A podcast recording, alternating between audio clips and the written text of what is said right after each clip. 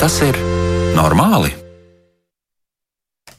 Esiet sveicināti! Vai tas ir normāli? Jā, mēs atkal esam klāt, lai jautātu, kā ierasts, vai tas ir normāli, kā?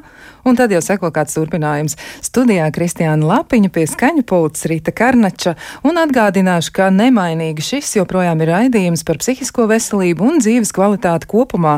Un mēs aicinām jautājumu uzdošanā un arī tajā, nu, ideju pūra tādā, nu, tā kā es nezinu, varbūt dalīšanās veidā, ja, ja tā varētu vispār to apzīmēt, iesaistīties arī jūs, jo jums noteikti ir kas sakāms, jums noteikti ir kaut kas, ko jūs gribat paust, un ir arī kāda ideja, un, protams, arī jums varētu būt kāds jautājums, vai tas ir normāli, un tad jau jūs varat rakstīt kaut ko no savas puses un mēģināt sagaidīt arī kādu atbildi, un mēs noteikti mēģināsim atrast eh, kaut ko, ko atbildēt uz jūsu uzdoto jautājumu, un tieši tāpēc sūtiet ziņas uz raidījumu elektronisko pasta adresi, vai tas ir normāli at Latvijas radio.lv un noteikti varat izmantot arī Latvijas radio mājas lapu, atrodot raidījumu, bet tas ir normāls ziņojumu logu, un arī tur jūs droši varat rakstīt visu, kas ir uz sirds un ko gribas par attiecīgo tematu pateikt. Un eh, šodien mēs runāsim par to, kā pārliecīgas rūpes var pārvērsties par kontroli, vai tas tā varētu notikt, un varētu arī mēs apspriest to, kādas ir pāraprūpes sekas, vai varētu arī tā būt, ka tā ir ierobežojoša lieta. Un eh, mēs esam aicinājuši raidījumā piedalīties divas viešņas. Tā ir Maija Kārkliņa ārste psihoterapeite. Sveicināta! Labvakar! Un vēl esam aicinājuši sarunā piedalīties arī Aina Poišu ģimenes psihoterapeite. Sveicināta! Labvakar! Nu, tāds ļoti īsts ievads būs no manas puses, un uh, mēs zinām, ka pāraprūpe vai arī tādas rūpes, kas jau pārsniedz ierasto rūpju apjomu, uh, vēlāk arī jau pieaugušiem cilvēkiem rada liels grūtības, bet ja tas sākas bērnībā, nu tad tas uh, pilnīgi skaidrs ietekmē bērna dzīvi, tā tas noteikti ir, bet vēlāk šie pieaugušie cilvēki izaugot, viņi piedzīvo dažādas grūtības, un viņiem ir nepieciešama apkārtējo atzinība, bieži vien viņi kļūst arī no tās atkarīgi. Ar viņiem vienlaiks ir ļoti viegli manipulēt, un vēl arī viņi ļoti bieži cieš no vainas izjūtas, jo neatbilst apkārtējo gaidām, vismaz pašiem. Viņiem tā šķiet. Vēl arī mēs zinām to, ka pāraprūpe rada dažas citas sekas, nu, piemēram, lēmumu pieņemšanas grūtības un vēl daudz ko. Mēģināsim saprast, kā tas īsti ir, un te nu mans pirmais jautājums. Ko tad īsti nozīmē pāraprūpe, jeb hiperaprūpe? Nu, tad es varbūt sākšu ar pirmo jautājumu Ainai Poišai šoreiz. Oi, pilnīgi jāsaņemās. Ir. Mana pirmā tāda asociācija ir atbildot uz šo jautājumu. Ir pār, tas ir kaut kas, kas iet pāri pa malām. Reizē mēs lietojam tādu terminu kā pāratbildība, bet šis ir tas gadījums, kad mēs runājam par pāraprūpi. Tātad trauciņš, kas iet pāri pa malām. Kāpēc tā notiek? Nu, to droši vien mēs vakar gaitā mēģināsim noskaidrot, jo katrām sekām, ka mēs redzam tādu pāraprūpes uh, uzvedību, mēs redzam noteikti arī, ka ir cēlonis un mēģināsim viņu saprast. Jo patiesībā vienmēr tas ir interesants jautājums, ja iet runa par kā labāk izaudzināt veselīgu bērnu, kuram ir laba pašvērtība, kurš ir autonoms, kurš nav bailīgs, kurš droši jūt savas iekšējās brīvības, tai pašā laikā ir gatavs socializēties. Tad vecāka atbildība, protams, te ir milzīga. Un tā vecāka atbildība reizēm arī izprovocē pāraprūpas uzvedību un sanāk pāratbildība par bērnu, zināmā mērā producē arī pāraprūpi. Vai sākumam būtu gana? Jā, sākumam būtu gan tāda ļoti laba definīcija no tavas puses. Un e, turpinājumu tad varētu iedot Maija Kārkliņa. Un man tad e, nākamais jautājums ir jums. Nu, kur varētu būt tas cēlonis, vismaz viens, ar ko mēs varētu sākt, kur rodas e, pāraprūpas tendence kādā no vecākiem? Jā, pāraprūpe tas tāds labs, labs termins, jo, nu, kad ir kaut kas par daudz vai kad ir kaut kas par maz, tad ir slikti. Labi ir tad, kad ir kaut kur pa vidu. Un tā pāraprūpe nu, ir viens no tiem variantiem, kad ir kaut kas par daudz. Šeit par daudz ir rūpes. Uh, jautājums, kāpēc? Ja? Nu, tad, tad jautājums, it kā vienkārši atbildes var būt entās tur var būt ļoti daudz dažādu iemeslu, kāpēc vecāki šādā veidā um, nodarbojās ar to hiperaprūpi, tā saucamo. Uh, un uh, viens no tiem varētu būt, ka tas uh, bērns ir varbūt vienīgais, um, kā tā tad ir bailes par to bērnu. Varbūt ir kāda slikta pieredze saistībā ar maziem bērniem. Varbūt tas vispār ir pirmais bērns, kurš ir jau ļoti pieaugušiem vecākiem. Mm, Un tad atkal ir bailes par to, ka kaut kas nenotiek. Tā, tad, no, tā ir tāda hiperaprūpe, ir savā veidā tāda mīlestība bez robežām. Uh, bet robežas ir svarīgas, un šis ir tas moments, kad to, tās robežas um, nav, un, un mēs pārkāpjam arī šī bērna robežas. Bet, protams, tā doma jau mums kā parasti ir tā um, labākā, jā, bet kā mēs zinām, tad ar labiem nodomiem bruģēts ceļš uz ēli ir tāds teiciens. Jā, ir gan, bet eh, jūs teicāt vienīgais bērns, vai tas ir arī nu, statistiski apstiprinājies, nu vienīgais bērns vai varbūt bērns, kuram ir kāda veselības traucējuma, nu ka ir tāda īpaša situācija un tad vecāki, nu aiz, aizvien aizvien pieaudzē to rūpju apjomu. Kā tas izskatās? Nu, tas ir diezgan bieži sastopams un uh, tikpat labi arī tas atkarīgs ir no vecāku personības, ja kāds vecāks ir. Uh, cik viņš ir rūpīgs, eh, cik viņš uzskata, ka viņš zina, kā ir pareizi. Ja? Tātad nu, šeit, eh, diemžēl, bet mums ir jāsaka, ka bieži vien tie ir vecāki, kuri ir skolotāji pēc profesijas un kuri arī ir tie, kam, kam ir šī hiperaprūpe, ka šī hiperkontrole par bērnu. Ja? Kā, nu, tur var būt daudz un dažādi. Tie ir vienkārši tādi piemēri, ja? bet katrā ziņā strādājot ar cilvēkiem ir redzams, ka tā hiperaprūpe ir tikpat slikta kā tad, kad tās aprūpes nav bijis praktiski. Jā, nu man jautājums arī par to, vai tas varētu tikt saistīts ar sociālo lomu, un te es jautājumu pāradresēšu Ainai Paišai, vai tā varētu būt, ka, piemēram, sieviete vai vīrietis, mamma vai tētis, viņi iedomājas, ka viņu lomā tas ļoti iedaras, nu, ka ir ļoti jārūpēs, un viņi tā to saprot. Jā, nu man ļoti kaut kā iekrita ausīs uh, vārds bailes kas zināmā mērā man liekas ir tas arī palaidē mehānisms. Ja mēs sastopamies ar savām bailēm, tad eh, viņas mums noslēdz durvis reizēm uz to nērto daļu sevī, kur mums ir jāiemācās pieņemt varbūt dažādas emocijas un arī savu emocionālo pieredzi būtu vērts izanalizēt, jo katrā vecākā sēž iekšā vecāks, kas viņu ir audzinājis. Jo, piemēram, ir tāds termins kā bailes no vainas, Un tas, man liekas, ir saistīts ar tādu būšanu tādiem, kādi mēs esam. Jo mums visu laiku ir pieprasījums no kā superego, ja mūsu iekšējā vecāka mums ir jāfunkcionē, kaut kas mums vienmēr ir jāsniedz, jādara, jāpliecina, jābūt labākajiem, jāatskaitās par savām neveiksmēm. Un reizēm tā ir arī tāda trauma, kas aizliedz kļūdīties, ka tas pieprasījums ir lielāks nekā tāda realitātes sajūta, kad uh, cilvēks vienkārši attīstās un reizēm viņam sanāk labāk reizēm netik ļoti labi, jo tas audzināšanas stils ar tādu milzīgu pieprasījumu uz bērnu. Zināmā mērā arī ieliek nākotnē to scenāriju, ka tas izaugušais bērns, kā pieaugušais, mēģina vienkārši to turpināt jo viņam ir ierobežota viņa patstāvība, viņa autonomija, un tāpēc vēlāk tas arī rada likumsakarīgo tādu autonomijas vainas izjūtu. Viņš salasās visādi informāciju, tas vecāks, un grib būt topā. Visas psiholoģiskās grāmatas un visas uh, vecāku grupiņas ir apmeklētas, vienmēr sakot, visi ir visu to labāko.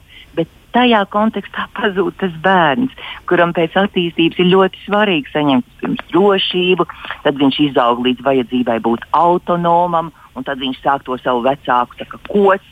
Un jau ņemt no piedestāla, lai beigās viņam ir nākošā iespēja arī uzņemties iniciatīvu pašam, kaut ko lemt un arī piedzīvot pirmās uh, kļūdas un atbalstu no vecāku puses. Bet, ja tas tā nenotiek, tad, diemžēl, tas varbūt neglīti izklausās, kad šādu pāraprūpi mēs mēdzam arī dēvēt par tādu emocionālo vardarbību, ka bērns tiek nomākts tādā veidā, ka pāraprūpe, ja dzird tikai to daļu rūpes, kas, protams, ir ļoti kvalitatīva attieksme pret bērnu, bet tā pāraprūpe ir nomācoša. Viņa apēd bērna autonomiju un apēd bērnu iniciatīvu. Un tad mēs reizēm brīnamies, ka izaug lieli cilvēki, kuri, jā, viņi ir manipulējami, jo ik pa brīdim mums ir no kaut kā bail, ja tas saistās ar pārmaiņām vai kaut kādiem izaicinājumiem un tam līdzīgi.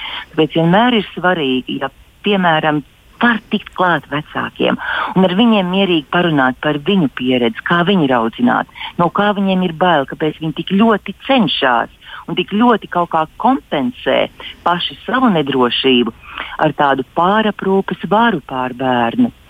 Un tas bērns tikai mirkšķina acis un, piemēram, uzdod bērnam jautājumu, ja es ar ģimeni tiekos. Bērns paskatās uz mammu. Tātad mamma, ja dod zīmi, ka bērns var atbildēt, tad viņš var atbildēt. Un tas ir diezgan skumji to redzēt. Jāpriecājās, ka tas ir retāk. Pirms desmit gadiem varbūt tas pat bija biežāk, kad ir tieši šāda situācija. Bet tas, ka ir paraprūpa arī jauno vecāku vidū, tas nenoliedzami ir diskutējams jautājums. Jā, tātad tu to novēro arī savā praksē, ja? Tā tas ir. Jā, jā, jā. E, vai tu vari arī sniegt tādu komentāru? Tas arī ir piemērs no prakses, ka ļoti daudzos gadījumos vecāki, sevišķi tādi, kuriem ir ļoti mazi bērni, viņi vēl izmanto apzīmējumu mēs. Un tad ir tā, ka bērns, jā. kuram ir 5, 6 gadi, viņi ir joprojām mēs. Varbūt tu vari komentēt šo. Nu, līdz ar to tāda pāraprūpe, kur mēs visu laiku raizējamies, vai palīdzam, vai audzinām, uzmundrinām, nopeļam, reizēm uzbrūkam, reizēm arī sāpinam. Bet tas kalpo vienam mērķim. Principā mēs distancējamies no sevis tajā brīdī. Tā ir tāda aizsardzības dimensija, kas principā veido apgrūtinošu miedarbību ar otru. Nu, notiek tāda diversija, kā jūs minējāt, tāda otra pakļaušana. Un bēgšana no sevis tas arī ir tas, par ko mēs sākumā runājam. Tās ir bailes kontaktēties pašam ar savām vajadzībām, līdz ko ir fokus uz otru. Un es rūpējoties par viņu, varu sakrāt punktus, ka es esmu labs, un es nesaprotu, varbūt to jēdzienu, tās ir tādas kompulsīvās rūpes, ka es rūpējoties par bērnu, reizēm rūpējos arī pats par savu iekšējo bērnu. Un tad šīs divas lomas saplūst kopā. Un, ja var normālā veidā ar cilvēku parunāt, vai viņš var saskatīt sevī šīs divas lomas, kur es palīdzu pats sev neapzināti, un kur es palīdzu savam bērnam nenomācot viņu. Ja izdodas atšķirt šīs divas lietas, tad mēs to mēs jau sākam sadalīt. Ir es un tu, un ir konkrēts konteksts, kur mēs sadarbojamies. Un tajā kontekstā mēs arī vai nu paši redzam, jūtam, vai kāds mums palīdz ieraudzīt to lomu, kurā mēs funkcionējam veselīgākā veidā. Paliekot es un tu Un tāpēc jaunajām māmiņām reizēm, ja ir laba humora izjūta, viņas arī to labprāt uztver, ka saka, ah, mēs, ka var par to pasmieties, jo tā simbioze reizēm tik automātiski aiziet tādā aprakstošā formā, ka visas darbības tiešām tiek traktētas, kā mēs to izdarījām. Nevis, kad viņš vai viņa to izdarīja un es atkal izdarīju to un to. Un tad jau sākās tāda atvesļošanās, ja var sadalīt šīs lomas. Jā, nu, nākamais jautājums eh, doktorai Kārkliņai. Kā tad varētu būt arī tajos gadījumos, ja izskatās, ka rūpes tomēr ir nu, gandrīz vai tādas patoloģiskas? Kā jūs varētu komentēt šādas situācijas? Kas tad notiek ar to aprūpētāju? Vai varbūt ir tādi scenāriji, par kuriem ir vērts apdomāties, ka kaut kas ar šīm rūpēm nav kārtībā?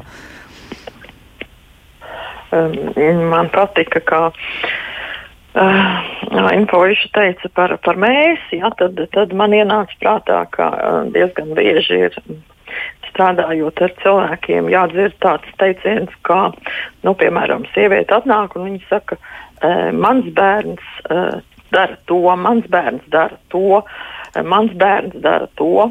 Un tad es jautāju, cik tad bērnam ir gadi. Un tā atbilde reizēm ir 40. Uh -oh. Tad es jautāju, vai tad uh, viņš joprojām ir tikai bērns, viņš nav nekas cits, ne vīrietis, ne sieviete, ne, uh, ne kāds cilvēks, kurš ir absolūti pieaudzis. Jā, tātad šī te saite ir pilnīgi nepārauta, tā nabas saite ir, ir, ir, ir vienkārši briesmīga arī šajā vecumā. Uh, tā kā tas ir tāds nu, piemērs par, par, par to, kā tā šad tad nākas dzirdēt, jā, par to, kas ir Eh, kas ir tam vecākam nepārējošs. Tātad kontrole, šī būšana ar bērnu par katru cenu. Tātad, eh, tā hiperaprūpe var teikt līdz tam brīdim, kamēr tas vecāks dzīvo. Eh, šī viņa kontrole, šī robežu pārkāpšana patiesībā, kas notiek, nu, tā ir tāda visaptveroša. Un es domāju, ka tā ir ļoti ļoti arī grūta tam pieaugušajam bērnam, un, un, un tā ir smacējoša, un tā, tā māte bieži vien ir pāri visam.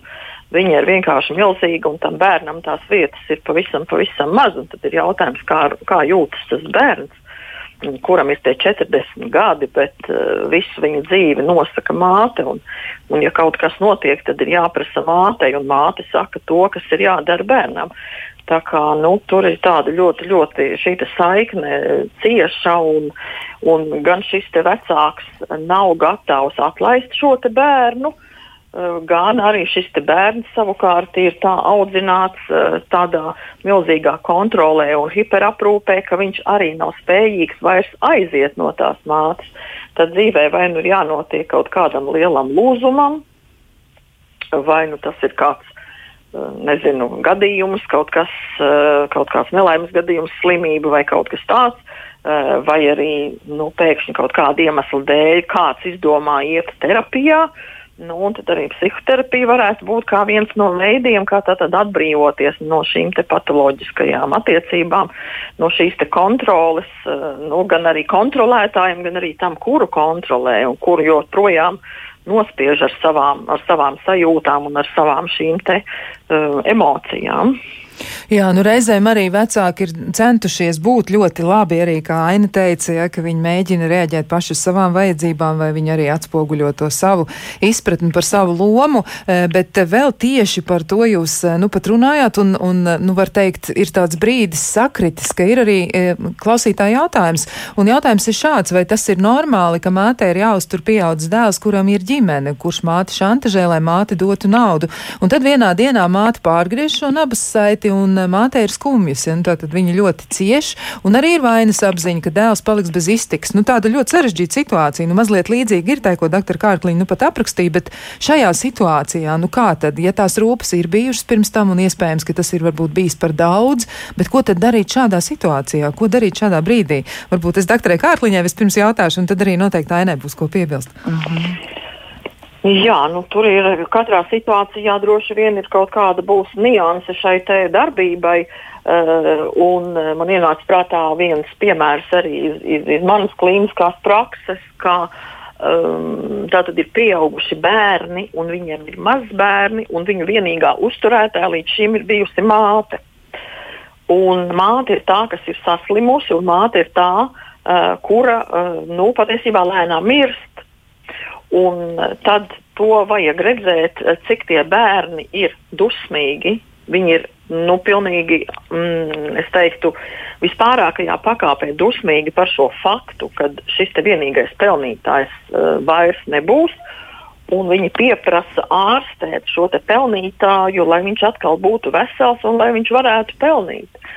Tās dusmas bija tādas, ka pilnīgi, nu, varētu teikt, ka gaiss likās bija saelektrizējies no šīm dusmām, jo likās, ka tie tie, tie cilvēki, kuri tūdaļ zaudēs šo pelnītāju, vienkārši nezinu, uzspērs gaisā visu slimnīcu gandrīz. Ja? Tā kā nu, šīs, te, šīs te emocijas vienmēr ir ļoti, ļoti sakāpinātas šajā situācijā. Un, nu, tad ir jāskatās, nu, ja tas ir tā kā iepriekšējā gadījumā, ka tā māte ir pie, pie labas veselības, bet viņa ir nolēmusi uh, Eh, pārgriež šo nabas saiti, nu tad es domāju, ka droši vien tās attiecības varētu arī drusciņi sabojāties ilgākā vai īsākā laika periodā. Protams, ka tur būs daudz dusmu, eh, tur būs daudz aizvainojuma, um, bet jebkurā gadījumā to var izsināt un var arī noteikti šīs attiecības atkal atjaunot un uzlabot. Bet katrā ziņā bērni būs spiesti sākt uh, kaut ko darīt paši, un tajā pašā laikā nu, droši vien arī būs ieinteresēti tomēr attiecības ar ar māti saglabāt.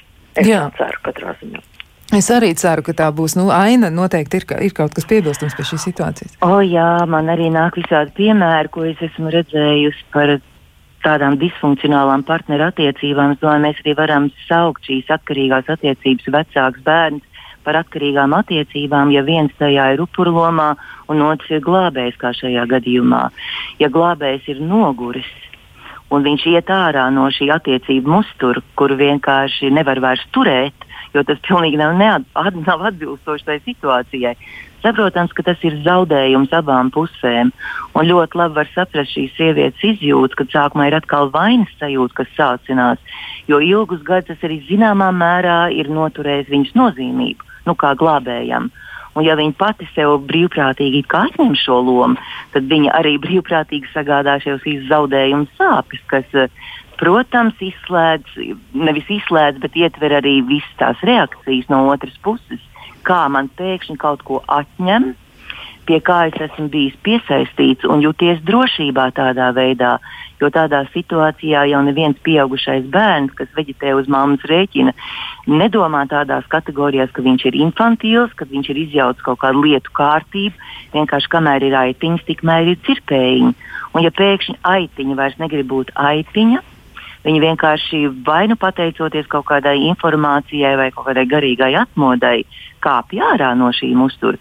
Jā, tas ir sāpīgs pārdzīvojums abām pusēm, kamēr tas musturs atrod kaut kādu jaunu veidu tai funkcionēšanai, bet mēdz būt, ka tas ir pārāvums šī konflikta rezultātā, kad vispār šīs puses uh, vairs nesarunājās, vairs neliekās nezinis, bet iekšēji kaut kā ciešs.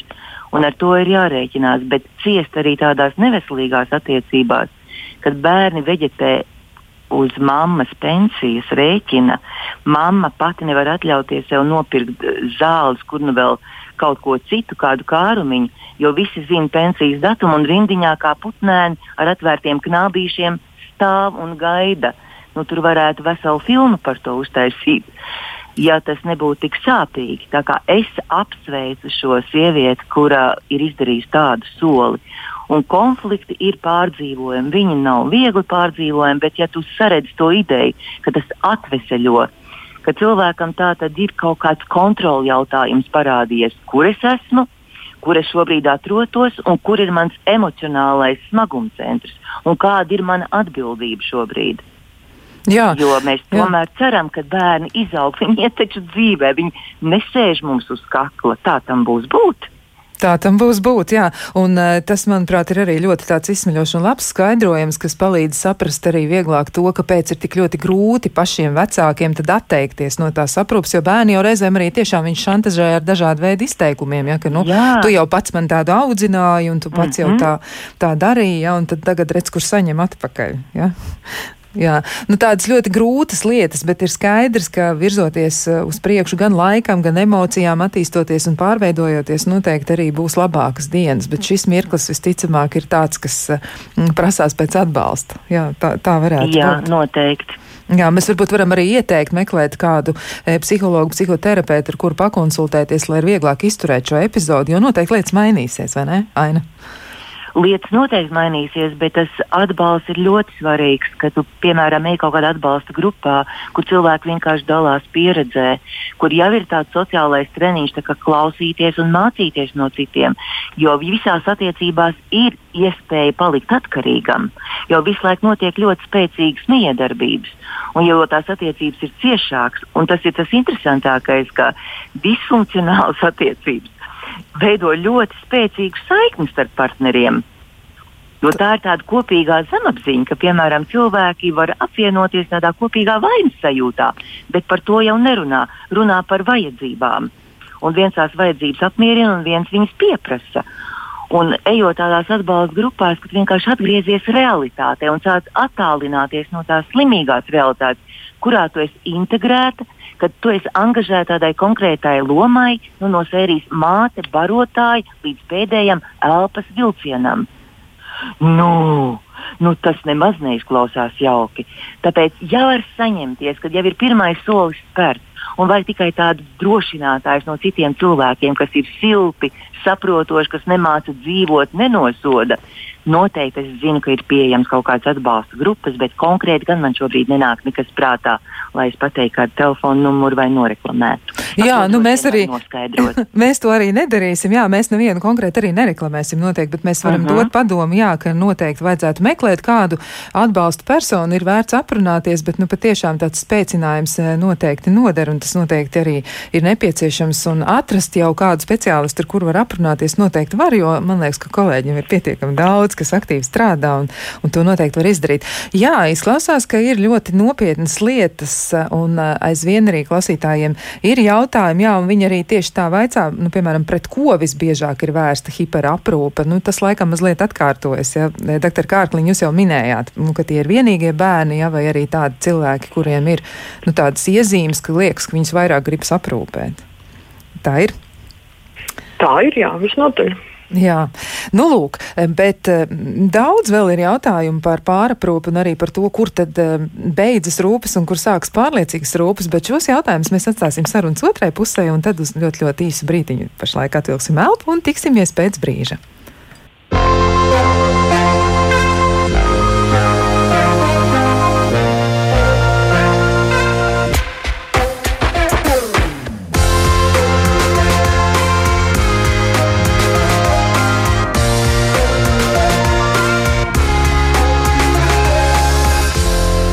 Vai tas ir normāli? Jā, mēs turpinām sarunu par pārliecīgām rūpēm un par to, kā mēs varam noteikt robežu, kur rūpes kļūst par kontroli vai varas izpausmi, un arī kā tikt galā gan pašam pāraprūpētājam, gan arī tam, kurš saņem šīs pārliecīgās rūpes, kā tad attiecības savest kārtībā. Un mūsu sarunā piedalās Maija Kārkliņa ārsta psihoterapeita un Aina Poiša ģimenes psihoterapeita. Bet vēl pirms mēs turpinām sarunu, gribu atgādināt, ka mēs raidījuma laikā atbildam uz jūsu jautājumiem, un jūs tos varat iesūtīt gan e-pastā, vai tas ir normāli at Latvijas radio.lv, gan arī izmantojot ziņojumu logu Latvijas radio mājaslapā. Un noteikti arī gribu, kā vienmēr jau var tā teikt, atgādināt par pieteikšanos podkāstam ar tādu pašu nosaukumu. Jūs varat iesaistīties podkāstu veidošanā kā podkāstu varoņi, un ja jums ir kas, par ko jūs gribat dalīties ar kādu no uzaicinātajiem psihoterapeitiem podkāstu formātā, kur būs saruna jums un tikai e, šim psihoterapeitam, tad noteikti jūs varat pieteikties, un e, podkāstus jūs varat noklausīties arī Latvijas sabiedrisko sociālo mediju mājaslapā, un starp raidījumiem atradīsiet arī podkāstus. Tie ir vairāki un par ļoti dažādām tēmām. Tā kā pamēģiniet, paklausieties un varbūt arī sadūšosieties paši piedalīties. Bet, nu, turpinām sarunu par to, kā tad ir ar pārliecīgajām rūpēm. Un eh, mans nākamais jautājums ir, kā palīdzēt tam cilvēkam, kurš savukārt ir cietis no pārliecīgas aprūpes, kādas izmaiņas personībā tad mēs varam novērot? Varbūt šoreiz sākam ar Maiku Ārkliņu, un tad Aina piebildīs. Kas notiek ar to cilvēku pašu? Nu, diemžēl, bet notiek tā, ka um, neveidojās uh, personība, kas ir stipra, spēcīga, varoša un, un, un darīt griboša, bet gluži otrādi veidojās diezgan vāja personība, kura uh, visu laiku skatās uz visām pusēm, uh, skatās, vai ir pareizi, skatās, vai ir pietiekami labi, uh, skatās, uh, ko teiks kritiķis, šī gadījumā vecāks kritiskais, tātad kontrolējošais un pieprasošais tajā pašā laikā. Tā kā veidojās cilvēks, kurš nav īsti pārliecināts par to, ko viņš dara, eh, kuram ir grūti pielāgoties kaut kādām situācijām, grūti pielāgoties kaut kādām eh, konflikta situācijām, eh, grūti komunicēt ar citiem cilvēkiem.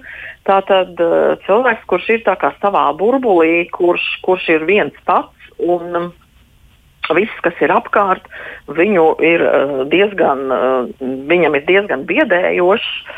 Un līdz ar to arī šī te, uh, pašam šī sajūta ir tāda, kā paštēls, kā pašvērtējums ir diezgan, diezgan slikts, jo viņš pats nejūtās pietiekami labs, jo visu laiku ir bijušas šīs te tātad. Uh, um, stilventiņš, uh, jebkurā gadījumā, kad uh, šis bērns kritīs, tad, lai, lai vecāks skrien ar šo stilventiņu uh, pakaļ, un viņam jau nav iespējas nokrist pašam šim bērnam. Uh, līdz ar to radās šāda situācija, un, un, un slikti ir tad, kad mm, šāds cilvēks, piemēram, nonāk kaut kādā nu, diezgan dramatiskā situācijā, uh, jo viņš īsti nesaprot, kā rīkoties. Viņam nav šīs te, uh, iemācīts uh, spējas uh, rīkoties kaut kādās situācijās pašam, jo vienmēr ir bijis kāds, kas viņa vietā uh, dara un, un viņa vietā rīkojās jebkurā šādā te, uh, kaut nedaudz draudīgā situācijā. Jā, nu tas nozīmē liels sarežģījums arī profesionālajā dzīvē, piemēram, vai ne? Tur... Jebkādā, gan ģimenes veidošanā, gan profesionālā, gan draugu lokā, eh, gan komunikācijā ar radiniekiem, tuviniekiem. Tā kā būtībā nu, cilvēks ir diezgan nespēcīgs un nespējīgs gala rezultātā, jo visu laiku visu kāds ir darījis uh, viņa vietā vai arī ļoti, ļoti kontrolējis visu šo situāciju katrā ziņā. Nu, ļoti bieži jau viņi, šie cilvēki ir dzirdējuši frāzes no saviem vecākiem, nu, labāk nedari tā, eh, labāk ir darīt šādi, vai arī tu to dari pārāk lēni, es darīšu tavā vietā. Jā, nu, vai arī tu tāpat nemāki. Tu nu, tāpat nemāki, jā, ciešu un izdarīšu. Ja? Jā, nu, apmēram tā. Nu, un, protams, ja viņam tā pasaka vienu reizi, divas un, un, un, un trīs, un vairāk jau arī nevajag. Pilnīgi pietiek. Cilvēks ir sapratis, ka viņš nedara pietiekami labi, ko viņš izvēlās. Viņš izvēlās nedarīt vienkārši. Jā. Nu, tad ir jautājums, cik ilgi viņš dzīvo šādā situācijā. Jo bieži vien viņš izvēlās arī tālāk attiecības, kas ir līdzīgas, kādas ir bijušas mājās.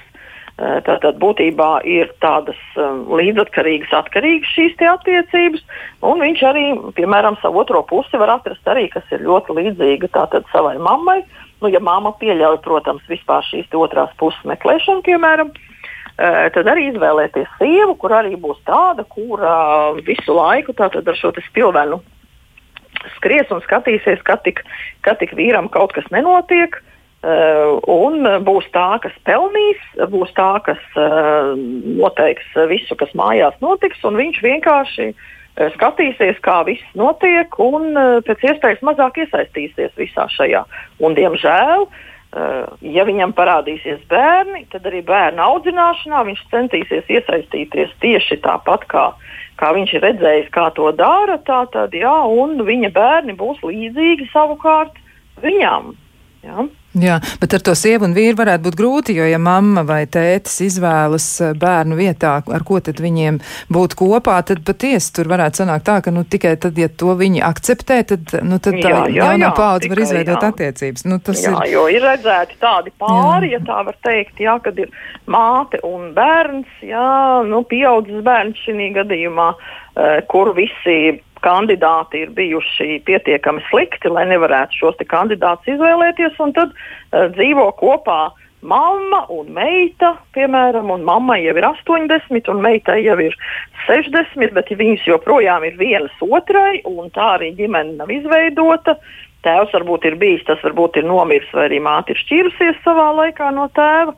Nu, un, diemžēl tā, tā arī viņas nodzīvo, gan mamma, gan meita, viena priekš otras vienu otru pieskatīdamas, nu, kaut kādā brīdī meitai ir jāpieslēdzās, tad jau, kad mamma paliek veca, tad viņa pieskata savukārt mammu, un tā viņas kontrolēdams un pieskatīdams vienu otru, tā viņas arī nodzīvo savu dzīvi.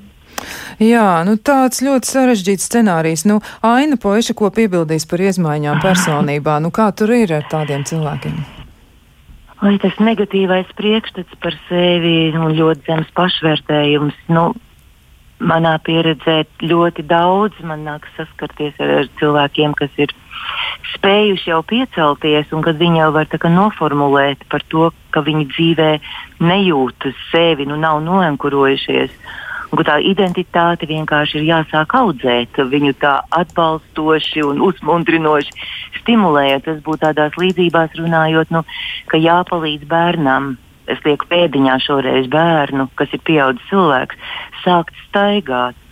Un man kaut kā ļoti mīļi liekas, ka tā pieņemošā attieksme, kas ir arī terapeitiskas attiecības, kur tu esi pieņemošs, ka tev nu, iedod tādu sajūtu, ka parādās alternatīva, ka tev vienkārši ir tāda veselīgāka vadība sākumā, kad vispirms ir piemēram lūdzu cilvēkiem apzināties, kas ir tas, ko viņi māca, kas ir viņu pieredze, lai kaut kādu resursu bāzi vismaz atrast, ka nav tā nulles izjūta, lai to var tā skaisti vienkārši apzināties, ka tā nav. Kad man pilnīgi ir bankrots iekšējais, ka esmu tikai atkarīgs no citu cilvēku vadības vai, vai gaismas, ka es pats arī varu kaut ko izgaismot priekš sevis.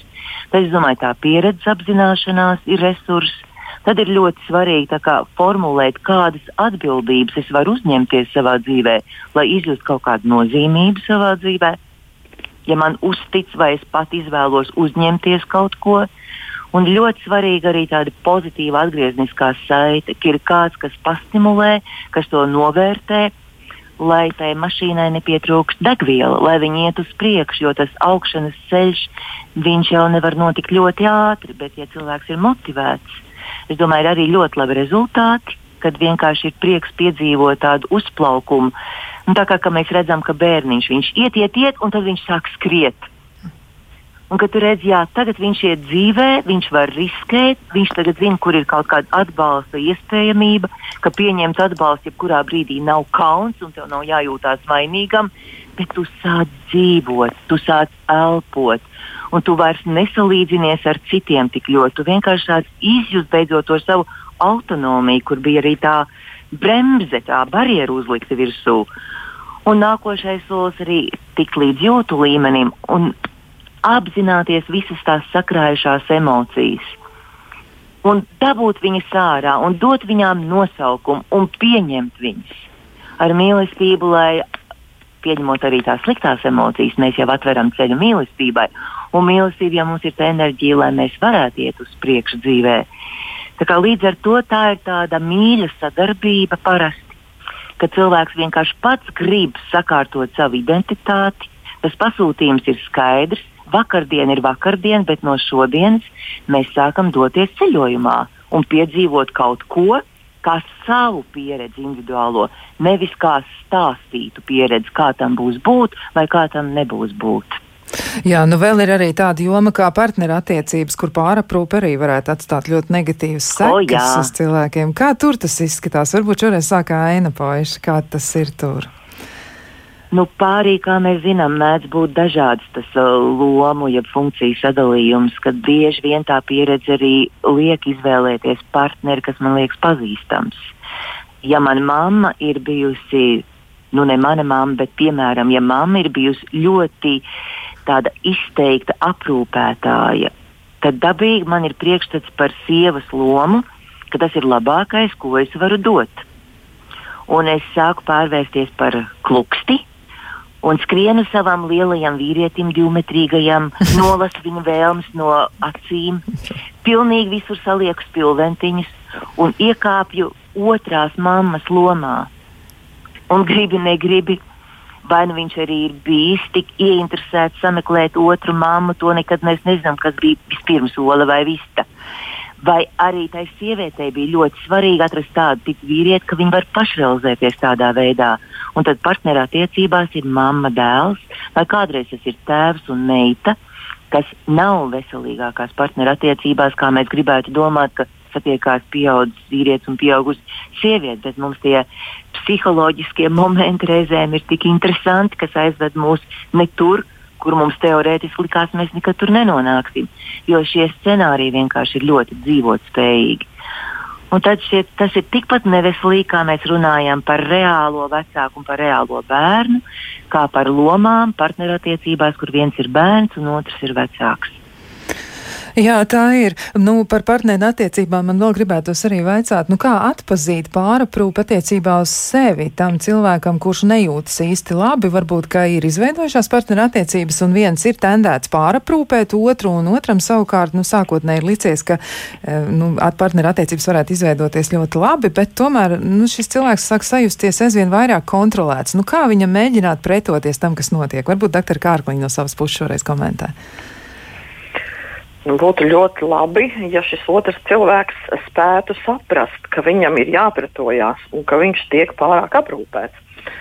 Jo, um, kā jau iepriekš arī um, Henpoļs teica, ka uh, tad, tad nu, um, izvēlās modeli, kā darboties pēc, uh, pēc, pēc saviem vecākiem, pēc savas mammas, piemēram, un, uh, diemžēl, bet arī to partneri parasti izvēlās. Tad, ja ir šāda hiperaprūpējoša sieviete, tad viņi parasti izvēlēsies partneri, kurš būs tas, kurš būs jāaprūpē. E, tā paša iemesla dēļ, ka tas bija redzēts ģimenē, e, citu mēs scenāriju nezinām. Mēs pazīstam scenāriju, kurš mums ir bijis acu priekšā visu laiku.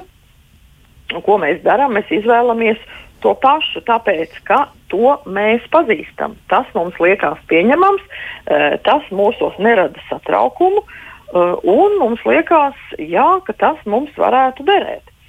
Eh, bet, ja nu, šī gadījumā ir nokļūdījusies šī hiperaprūpētāja puse un, un ir atradusi kādu, kurš, kurš nevēlas būt pārāk aprūpējams, tad es domāju, ka jā, nu, sākumā tā varētu būt noteikti saruna par to, ka es varbūt jūtos pārāk nu, mazvērtīgs, ka tu man neļauj kaut ko darīt, kā, kā, kā es jūtos, kā es jūtos varbūt nu, nevērtīgs, nesmu tāds tāds kā tu, tā kā apsēsties pie galda un mēģināt izrunāt un saprast, ko tas otrs cilvēks grib, kāpēc viņš man tā tik ļoti palīdz. Ja? Un tad jautāt, nu, kas ir tas, ko tu uh, gribi man palīdzot kā, rādīt un, un, un darīt, jo es esmu pats liels cilvēks.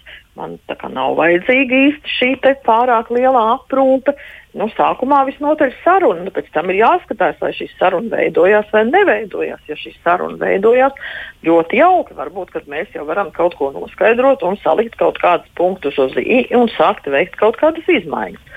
Bet, ja tas īsti nevedās, nu, tad otrs variants varētu būt, piemēram, nākamais solis jau mm, tad. Mm, tomēr mēģināt griezties pie kāda konsultanta, pie ģimenes konsultanta, piemēram, uh, un tad nu, ģimenes konsultanti jau klātbūtnē, mēģināt skaidrot, kā katrs jūtās šajā situācijā, jo es pieņemu, ka ja viens teiks, ka tu mani par daudz, par mani rūpējies, eh, tad arī tas, kurš par daudz rūpējās, viņš droši vien eh, būs aizvainots un dosmīgs par to, kā viņa šīs rūpes netiek pieņemtas, eh, jo viņš ir radis rūpēties, viņš vienmēr ir rūpējies par visiem vai par kādiem, ja tātad no nu, šī aprūpe viņam ir ļoti, ļoti zināma, un viņš jūtās slikti, ja viņš nevar rūpēties, tā kā tur gan no vienas puses, gan no otras puses nu, būs tādas diezgan, diezgan nepatīkamas emocijas. Jā, nu vēl par tām partnerattiecībām turpinot, arī gribētos eh, jautāt par scenāriju, kurš diezgan bieži ir sastopams un kurš arī mēdz atkārtoties, ka ir kāds, kas ļoti tiecas rūpēties, un tad šis cilvēks gandrīz nemaldīgi atrod sabiedrībā kādu, par ko varētu rūpēties, bet tās attiecības agri vai vēlu beidzas. Un, eh, nu, diezgan daudzos gadījumos tā notiek. Nu, kā tad mēģināt tomēr saprast to robežu, kur man jāapstājas un kur man jāmēģina ir tā otra cilvēka autonomija cienīt, un vienlaiks arī man ir jāatbild uz savām vajadzībām. Kā to sabalansēt? Aina, Poiša varbūt šoreiz var atbildēt. Labi, ja var apsēsties pie sarunu galda. Un, uh, bieži vien tas kaut kā glābi, kaut arī tā saruna ir grūta, bet uh, mēs tā kā atbalstām, ka cilvēkiem tomēr kā pieaugšiem ir priekšrocība runāt par to, kas, kas ir svarīgi, jo attiecības nonāk strupceļā Jebkurā gadījumā jautājums, kurā brīdī, kurš pirmais to ierauga, ka attiecības ir strupceļā, ka viņas nedod vairs to apmierinājumu sajūtu.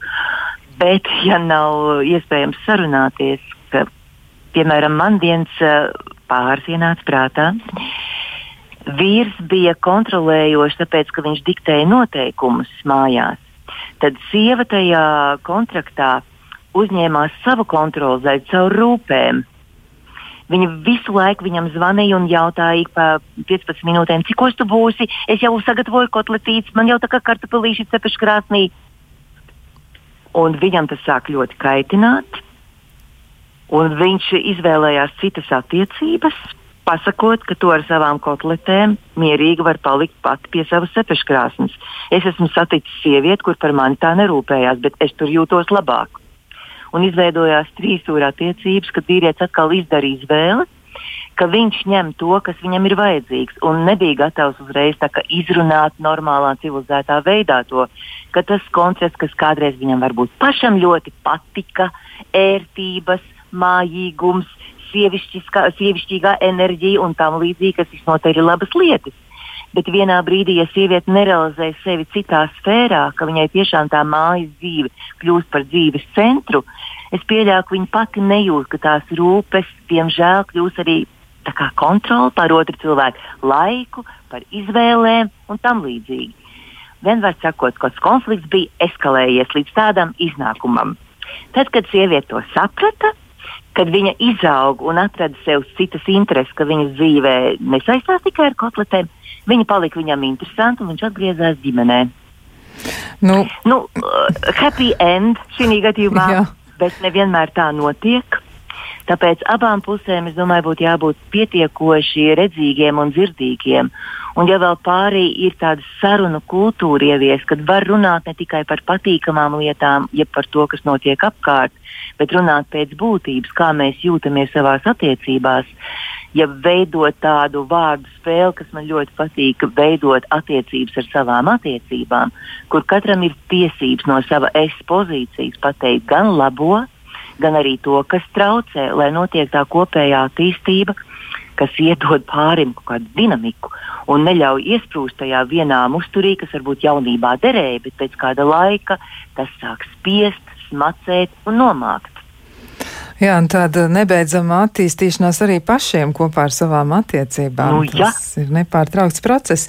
Nu, vēl atgriežoties pie vecākiem un bērniem, nu, ja reiz paši vecāki ir piedzīvojuši pāraprūpi, tātad viņi ir pāraprūpes upuri, e, pret viņiem ir izturējušies no vienas puses it kā ļoti maigi, no otras puses reizēm tā ir bijusi kontrola un vecāku varas paudumus vai arī vecāku nedrošības paudumus, arī tā varētu gadīties. Nu, kā tad viņiem saredzēt tās robežas, līdz kurām viņiem būtu jāiet un kur būtu jāļauj bērnam izbaudīt autonomiju, kā viņi vislabāk varētu veidot eh, šo attiecību sadaļu. Nu, tad tagad savukārt sāk aina poiša un pēc tam piebilst Maika Ārkliņa. Nu, mums laikam atkal jāatkārtojas, ka dzirdēt, kā citi cilvēki dalās savā pieredzē, tas ir numur viens, kas man nāk prātā. Tā kā sākt iet sabiedrībā, lai ir izvēles brīvība, koriģēt savu ierasto uzvedības modeli, Jo tad, kad cilvēki liecina, kas nav eksperti, tas man liekas, ir ticamāk un vērā ņemamāk un cilvēkiem labāk sagramojams, ka ja es sāku dot mazāk, vai es sāku justies sliktāk, varbūt pirmajā brīdī, bet tad es saprotu, ka tās ir izmaiņas, pie kurām man ir jāpierod. Jo tā reakcija no otras puses, vai viņi ir vārdos vai uzvedībā, ja tu esi vērīgs, viņi vienmēr signalizē, ka kaut kas ir par daudz. Jo bērni sāk norobežoties, daudz tiešāk, daudz atklātāk. Viņi reizēm ar vārdiem pasaka mammai, ko viņi par visu to domā, un sāk izvairīties. Tātad tas ir pirmais signāls, kad es domāju, mamma varētu domāt, ka viņas ir par daudz, ka bērns ir izaudzis, viņam vajag privatizēties un pašam uzņemties kaut kādas rūpes par sevi, par savu laiku, par savu telpu un tam līdzīgi. Ja viņa grib saglabāt kontaktu, tad viņai jārunā ar citiem vecākiem. Un tā kā jāuzklausa, kas varbūt ir labākais variants, un pamēģināt eksperimentālā kārtā pamainīt savu attieksmi, nekrist izmisumā, Jo viennozīmīgi mums ir jāaug kopā ar savu bērnu, jo viņš nevar palikt visu mūžu maziņš. Ja mēs to gribam, tad mums ir kaut kāda slimīga vajadzība, lai mums ir kāds, ko mēs varam mīlēt, kas aizpild mūsu tukšumu. Nu, tas nav tas labākais. Bērns nav nācis pasaulē, lai aizpildītu mūsu iekšējo tukšumu vai krātu mums punktus mūsu dzīves jēgai. Bet es jau cerētu uz tādu veselīgāku attieksmi, tāpēc ir cik labi, ka mēs varam runāt par dažādām tēmām, kas dzīvē ir saskar, nu, saskaramas, redzamas, dzirdamas un sajūtamas. Kad katram ir tiesības sākt domāt un mazliet kritiskāk paskatīties uz sevi no malas, nu, kļūt par tādu novērotāju savās attiecībās, vai ar partneri, vai ar bērnu. Jā. Jā, un doktor Kārkliņa, ko jūs teiksiet, kā tad mēģināt saglabāt robežu starp rūpēm un pārliecīgām rūpēm un nepārkāpt uz to otru pusi? Nu, viena no lietām, kas būtu, manuprāt, jāieklausās arī sevī, jāieklausās sevī un jāmēģina saprast, kurš ir tas brīdis, kad es neesmu komfortā ar sevi, kad es esmu diskomfortā, kāpēc man ir šis diskomforts, kas man izraisa šo manu diskomfortu, eh, mēģināt pāranalizēt eh, ne tikai to, kas ir apkārt, kā Ainpoļs teica, bet arī to, kas ir katrā pašā. Tātad nu, pašam ar sevi vienmēr ir prieks parunāties ar gudru cilvēku? Eh, tā kā mēģināt saprast, kas ir tas, kas mūs satrauc, eh, kas ir tas, kas mūs sadusmo, kas ir tas, kas mums eh, liek justies vainīgiem. Vai tā ir piemēram no bērnu uzvedība, vai tās ir kaut kādas savstarpējās attiecības ar otru pusi, vai tās ir kaut kādas problēmas ar vecākiem, vai piemēram bērnam ir pasliktinājušās mācības skolā, kāpēc viņas ir pasliktinājušās. Ja? Tātad nu, mēģināt, mēģināt saprast arī sevi un saprast, ja es jūtos slikti, kāpēc es jūtos slikti, nu, un tad mēģināt arī uh, tālāk analizēt, ko ar to var darīt. Vai tas ir no manis atkarīgs, vai tas ir no kāda cita atkarīgs. Varbūt es par daudz kaut kur ieguldos, varbūt es par maz kaut kur ieguldos. Uh, tā kā nu, mēģināt saprast tās savas sajūtas katrā konkrētā, konkrētā brīdī. Un arī komunicējot ar bērnu, kā es jūtos komunicējot ar bērnu. Ja bērns sāk dusmoties un cirst durvis un, un, un saka, ka viņam viss ir apriebies, nu, tā tad acīm redzot, um, nu, manis ir bijis par daudz, un man par to nevajadzētu sevi vainot, uh, bet vajadzētu atstāt arī kaut kādu uh, telpu, laiku, vietu arī, arī šim bērnam. Jā. Tātad, nu, izējot no savām sajūtām, no savām pozitīvajām vai negatīvajām sajūtām, mēģināt arī tā analizēt šīs situācijas. Jā, un tomēr tad jāatsaucas gan uz sevi, gan savu pieredzi, gan arī jābūt redzīgam. Ja, kā Aina teica, jābūt redzīgam. Jāmēģina jā. ieraudzīt to, kas ir blakus. Jā, nu visnotaļ interesantas lietas saistībā ar rūpēm, ar pārliecīgām rūpēm, un, protams, arī ir diezgan daudz ideja attiecībā uz to, kā no tā izvairīties, jo mums savas sociālās lomas ļoti bieži gribas sajūgt kopā ar vēl kaut ko, un tā mūsu izpratne par to, kā būtu jāuzvedas. Jā, tā, tā mūs pavada un uh, ir jāmēģina saprast, kā tad, kā tad ar to dzīvot un ko no tā pašiem arī iemācīties. Jā, nu šajā sarunā mēs mēģinājām apspriest, kā tad ir, kā ir. Uh, būt pārliecīgi rūpīgam un kā mēģināt novilkt robežas starp pārliecīgajām rūpēm un palikt pie rūpēm, kas ir nepieciešamas, bet kas neierobežo un nedara pāri. Un sarunā piedalījās Maija Kārkliņa, ārsta psihoterapeita un Aina Poiša, kura savukārt ir ģimenes psihoterapeita. Man bija milzīgs prieks ar jums abām divām atkal runāties, jo es ļoti ceru uz nākotnes sarunām, kur atkal mēs varēsim tikties runājot par eh, citiem interesantiem tematiem. Bet, um, Savukārt klausītājiem noteikti gribu atgādināt, ka pirmkārt jūs varat noklausīties raidījuma atkārtojumus arī izmantojot Latvijas sabiedrisko mēdīju vai Latvijas radio mājaslapu, un noteikti arī neaizmirstiet par podkāstiem. Bet nākamajā reizē, nākamajā reizē mēs mēģināsim aprunāties par to, vai ir un kādas ir Covid infekcijas eh, sekas psihiskajā veselībā, jo izrādās, ka lielai daļai no Covid-19 pārslimojušajiem e, cilvēkiem ir būtiskas izmaiņas kognitīvajās funkcijās, kas ir ilgāku vai īsāku laiku sastopams un ir jāmēģina saprast, ko tad ar to iesākt. Ar jums kopā bija Kristiāna Lapiņa, mēs savukārt ar jums tiksimies nākamajā nedēļā, un lai jums jauka nedēļa, un lai izdodas arī piedzīvot kādu skaistu brīdi.